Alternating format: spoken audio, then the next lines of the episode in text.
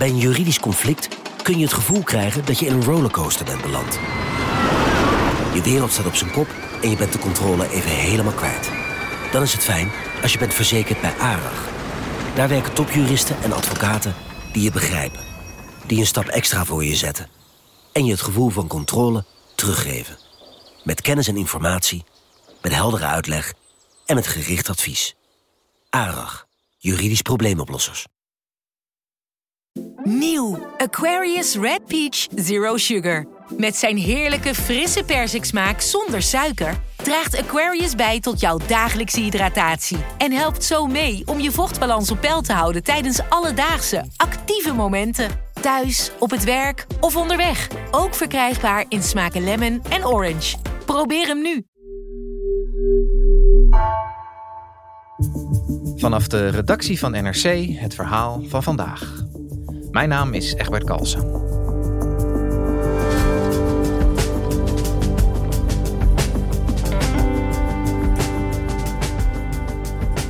Vanavond speelt het Nederlands elftal zijn laatste groepswedstrijd op het WK tegen thuisland Qatar. Verslaggever Joris Kooijman vertelt hoe Qatar, een land zonder voetbalgeschiedenis, binnen één decennium een nationaal elftal uit de grond wist te stampen. En daarbij worden zelfs de grenzen van het staatsburgerschap opgerekt.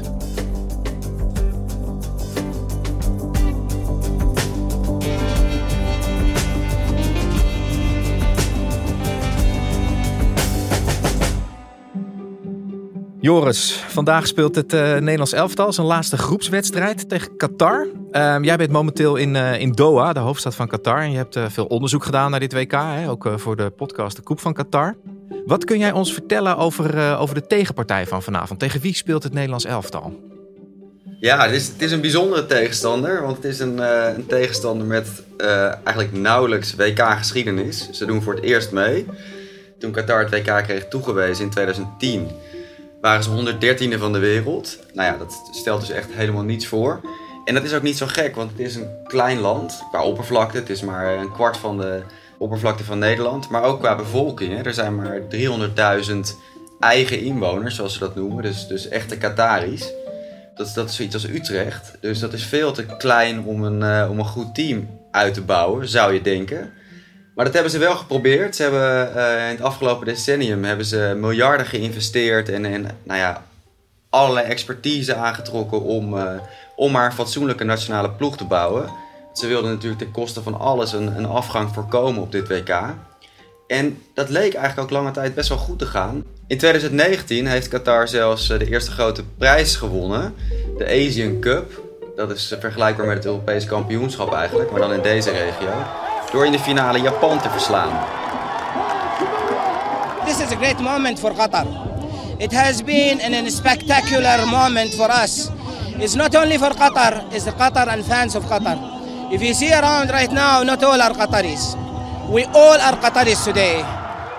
Dus voorafgaand aan dit WK was toch wel de gedachte, niet alleen hier, maar ook in Europa bijvoorbeeld, dat Qatar wel eens een gevaarlijke ploeg kon zijn. In ieder geval een ploeg die de eerste ronde zou kunnen overleven.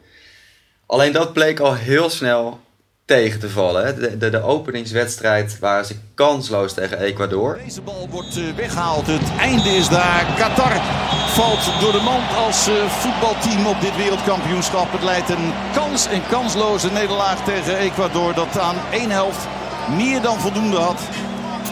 Het werd 2-0, maar het had ook 6-7-0 kunnen zijn. En je zag ook de, de enorme uh, deceptie bij de Qataris in het stadion. Volgens mij vanaf de 60ste minuut uh, vertrokken de eerste Qataris al het stadion. En de tweede wedstrijd hebben ze iets beter gespeeld tegen Senegal. Maar eigenlijk waren ze daar ook kansloos. En ook die wedstrijd ging met 1-3 verloren. Dus tegen Nederland gaat het voor Qatar echt puur nog maar uh, ja, om, om de eer te redden. Want Qatar is al uitgeschakeld. En dat met een ploeg waar de afgelopen 10 jaar miljarden in zijn geïnvesteerd. Is dit, uh, dit Qatarese elftal eigenlijk ontstaan, Joris? Hebben ze het gewoon gekocht, zoals ze eigenlijk alles uh, kopen in Qatar? Nee, dat, dat was uh, aanvankelijk wel een beetje het plan. In begin deze eeuw hebben ze zelfs geprobeerd een Braziliaanse speler te naturaliseren voor de, voor de nationale ploeg. Ailton, sommige luisteraars zullen hem misschien kennen. Die was voor zover ik weet nog nooit in Qatar geweest. Die speelde bij Werder Bremen, maar die was gewoon niet geselecteerd voor Brazilië. En uh, nou ja, die wilden ze voor veel geld naar Qatar halen. Dat was destijds het beleid om een, om een nationale ploeg te creëren. Maar daar heeft de FIFA eigenlijk uh, vrij snel een einde aan gemaakt. Die heeft de, de regels dus aangescherpt eigenlijk om spelers uh, te kunnen naturaliseren, buitenlandse spelers.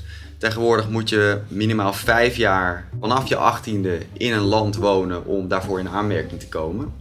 Nou, voor een land als Qatar is dat problematisch, want de allerbeste spelers ter wereld die gaan natuurlijk niet vijf jaar in Qatar spelen. Daarvoor is de competitie gewoon veel te slecht. Die speelt liever in Europa bij een topclub. Dus dat maakt het voor, eigenlijk voor landen als Qatar onmogelijk om zomaar de beste spelers aan te trekken voor de nationale ploeg. Dus zijn ze vol gaan inzetten op het opleiden van de eigen talenten in Qatar. Ze konden eigenlijk niet anders en daar zijn ze dus volop in gaan investeren. En hoe hebben ze dat aangepakt dan? Nou, ze zijn begonnen, ik denk het begin van, van dit huidige nationale elftal, zou je kunnen zeggen, ligt al in 2005. Dat is het jaar waarin Aspire wordt geopend. Dat is een sportcentrum hier in Doha. Maar als je het ziet, het is waanzinnig groot. En het is helemaal state of the art. Het is een van de modernste, zo niet het modernste sportcentrum ter wereld. En daar hoort ook een academie bij, een voetbalacademie. En nou ja, die is dus in 2005 geopend. En ze zijn toen begonnen om alle jeugdspelers hier in Qatar in beeld te brengen eerst via een, een groot scoutingapparaat. En de beste daarvan onder te brengen in Aspire. Die kregen daar een, een voetbalopleiding zoals dat nou ja, in, in, bij, de, bij de beste clubs in Europa gaat. En daar trokken ze dus ook allerlei trainers voor aan en scouts die bij Europese topclubs hadden gewerkt. He, want voetbalexpertise was hier natuurlijk niet in Qatar.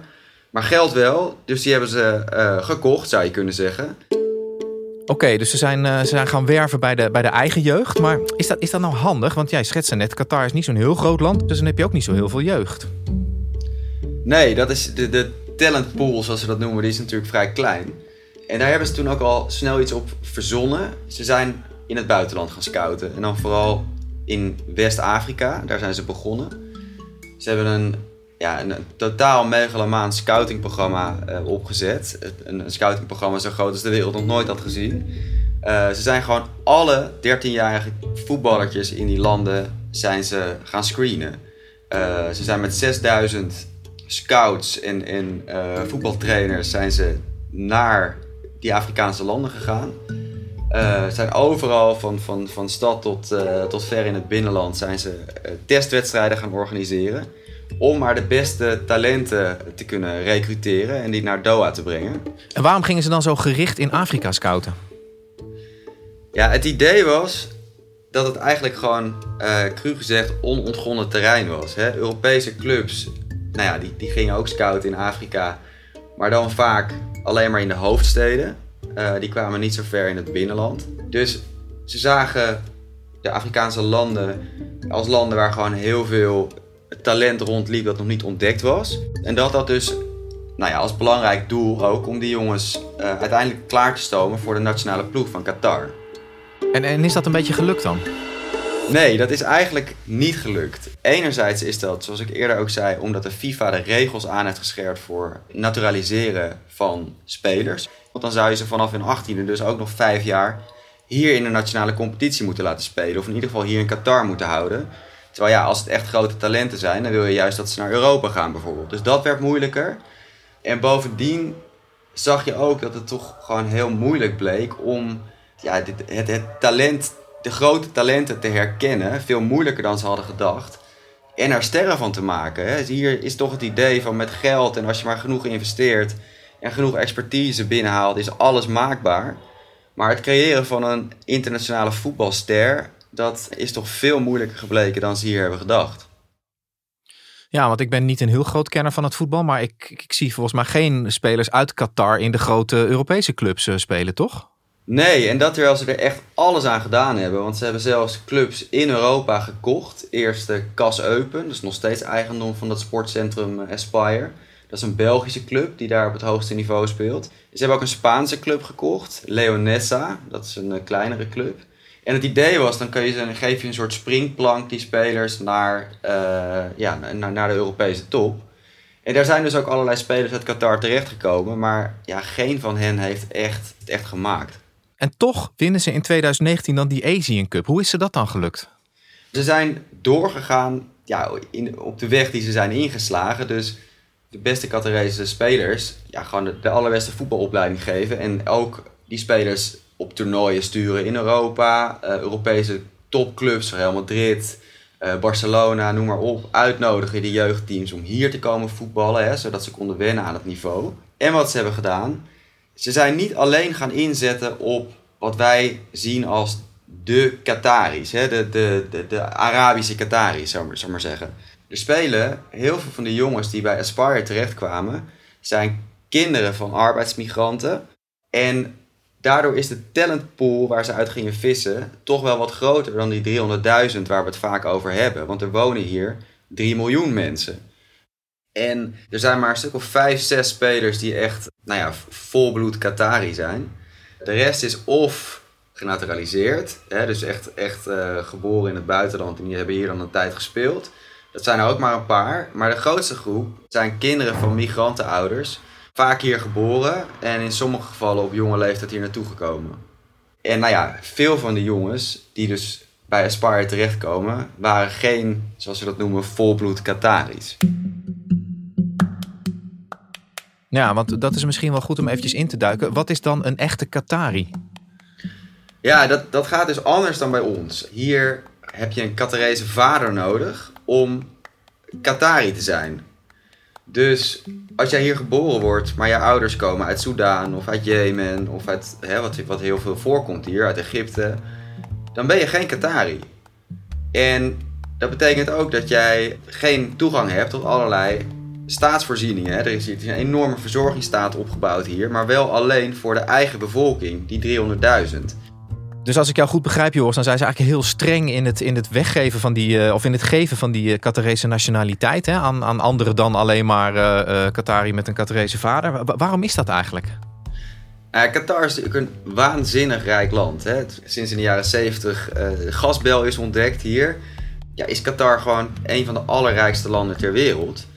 En dat komt ook omdat ze die gasbel en al die inkomsten delen, maar met een hele kleine groep mensen, namelijk die 300.000 Qataris. En nou ja, daar is een welvaartsstaat mee gebouwd met allerlei gratis voorzieningen, eh, zoals gratis onderwijs en gratis gezondheidszorg, noem maar op. Maar goed, om dat allemaal in stand te houden en die enorme vertroeteling aan de Qataris te kunnen bieden, is het natuurlijk zaak om die groep klein te houden die daar aanspraak op kan maken. Anders verwatert die welvaart nou ja, en dan, dan is dat gewoon niet, is deze, deze rijkdom niet vol te houden. Dus dat is heel cru eigenlijk. Je hebt hier dus gewoon een, ja, een hele grote groep mensen die hier geboren is en getogen is. Maar toch als een soort tweederangs burgers uh, hier bestaan. En die ook geen enkele aanspraak maken op dat Qatarese paspoort. En ook hun kinderen dus niet. Dus het kan gewoon generaties kan het zo blijven bestaan ik sprak bijvoorbeeld, ik ging hier bij een lokale voetbalwedstrijd kijken toen ik hier in september was. En iemand die daar de kaartjes verkocht was Adnan. Ik vroeg aan hem waar kom je vandaan en hij zei ik kom uit Pakistan. En toen ik een beetje doorvroeg, toen vertelde hij me dat hij in Doha was geboren en getogen. Hij was in begin 20. Alleen het is hier natuurlijk geen uh, vrijheid van meningsuiting, dus hij was een beetje huiverig om, uh, om het te laten opnemen destijds. Later appte hij me van, uh, nou als ik alleen zijn voornaam zou gebruiken, dan uh, wilde hij zijn verhaal wel doen. Dus ik heb hem toen vanuit mijn hotelkamer nog een keer gebeld. En hij vertelde me dus ook hoe zijn leven verschilde van dat van de echte Qataris die hier opgroeien. Like here there are different schools. Uh, there are Pakistani schools in Qatar, like government schools. Uh, so and there are Qatari schools in Qatar at the same time. So I studied in Pakistani school. En wat ook, wat ook bijzonder is, uh, vond ik om te horen, is dat hij dus ook helemaal, hij woont hier dus zijn hele leven, maar hij kent helemaal geen Qataris. Zijn leven is volledig gescheiden geweest altijd van dat van de Qatarese jeugd. En nou ja, die komen elkaar dus ook niet tegen in principe. Uh, Qatari national friends, I don't, no, I don't have. We greet each other, that's it. Like, not the regular friends, like we don't usually hang out. Ja, want als ik jou goed begrijp, dan is dus 90% van de bevolking die in Qatar leeft eigenlijk niet vol staatsburger. Kan jij eens vertellen hoe dat dan precies zit? Ja, ik sprak met Gijsbert Oom. Dat is een um, ja, onderzoeker en hoogleraar aan de Erasmus Universiteit, die hierin gespecialiseerd is. Dus de meeste migranten, ook die daar al enkele generaties wonen, hebben een verblijfsvergunning. Als ze al papieren hebben, hebben ze een verblijfsvergunning. Dat heeft niks met Qatari citizenship te maken. Dus deze migranten die kunnen heel weinig van de staat uh, verwachten. Ze kunnen van de staat verwachten dat de buslijnen het goed doen en uh, dat het verkeer functioneert. Maar voor de rest behalve uh, law and order en een context waarin ze kunnen werken met minimale rechtszekerheid. Maar meer kunnen ze niet van de staat verwachten. En dat zit je natuurlijk in de weg als je een nationale ploeg van enige kwaliteit wil opbouwen. Want de FIFA vereist wel een vorm van staatsburgerschap. Dus vanuit het uh, regime wordt echt een, uh, een nou ja, totaal gescheiden maatschappij, zou je kunnen zeggen, in stand gehouden. Maar, maar dat geldt dus niet voor dat voetbalteam. Nee, want daar zijn de belangen dan toch weer net iets te groot voor.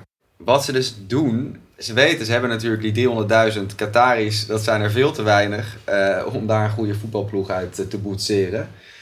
Dus hebben ze uh, het Qatarese paspoort, in ieder geval een, een, het Qatarese staatsburgerschap, een vorm daarvan, opengesteld voor topsporters. Dus wat Qatar doet is dat ze een speciaal ja, in Qatar heet het een mission paspoort.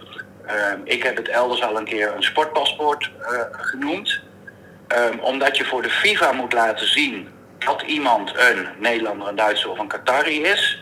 En zij hebben een hele reeks van verschillende vormen van citizenship. En één daarvan is een, ja, een, sportpaspoort. Waarbij je eigenlijk ja, wel tot Qatari wordt gemaakt, minus heel veel rechten. Um, en heel vaak staat er dan wel een financiële vergoeding tegenover. Sommige supersterren krijgen overigens wel opeens toegang tot bijvoorbeeld de, de gezondheidszorg. Of, of, dat wordt gewoon uit onderhandeld. Het is een contract, alleen het is een ander soort contract zoals wij het kennen. Dus uh, ze worden niet volledig Qatari, maar wel weer iets meer Qatari dan, dan mensen, jongens zoals Adnan, zeg maar. Oké. en, dan kunnen, en dan kunnen ze dus ook, want voor de FIFA is dat uh, voldoende. En voor andere sportbonden ook. Dus dan kunnen ze ook uitkomen voor de nationale ploeg. Ja, in dit WK gaat het allemaal niet zoals ze hadden gehoopt. Maar wat denk jij nou? Is die investering van Qatar in die nationale ploeg, is dat het nou waard geweest? Gaan we Qatar terugzien de komende jaren in het internationale voetbal? Ja, ik denk het wel. Dit, die investering is natuurlijk onderdeel van een veel grotere investering om het WK hier naartoe te halen en om, om Qatar ja, een grotere status internationaal aan te meten. En daarvoor was het alleen al belangrijk dat Qatar hier niet volledig zou worden afgedroogd. Hè? Ik bedoel, het is natuurlijk vervelend dat ze de eerste twee wedstrijden hebben verloren voor ze. Maar ze zijn ook niet met 20-0 weggespeeld. En dat had zomaar kunnen gebeuren als je bedenkt waar ze in 2010 uh, nog stonden. En ze hebben denk ik ook wel, kijk, in, in, bij ons heeft, het, heeft dit WK natuurlijk een, een heel slecht imago en, uh, vanwege alle misstanden. Maar ze weten natuurlijk wel dat de sport een ja, geweldige manier kan zijn om jezelf als land te verkopen. En daarvoor is het ook belangrijk dat je meedoet aan internationale toernooien. En ja, dat is de enige manier om dat te doen, is toch blijven investeren in, in die nationale ploeg. In talentontwikkeling. En ze hebben die infrastructuur hier, uh, hier neergezet voor miljarden, miljarden dollars. Dus het lijkt me heel sterk dat ze daar ineens uh, van terug zouden komen. Ja, hey, en de wedstrijd voor vanavond, uh, waar moeten we rekening mee houden voor het Nederlands elftal? Ja, dat mag toch niet misgaan. Dat zou betekenen dat Van Gaal zijn carrière afsluit met een nederlaag tegen Qatar. Dat, dat weiger ik te geloven. Nou, we gaan het meemaken vanavond. Dankjewel Joris. Graag gedaan. In een eerdere versie van deze aflevering wordt gezegd dat wie in Nederland geboren wordt in principe een Nederlands paspoort heeft en Nederlander is. Dat is incorrect. Dit hangt voornamelijk af van de nationaliteit van de ouders van het kind. Je luisterde naar vandaag, een podcast van NRC. Eén verhaal, elke dag. Deze aflevering werd gemaakt door Ruben Pest, Mila Marie Bleeksma en Jeppe van Kesteren. Dit was vandaag. Morgen weer.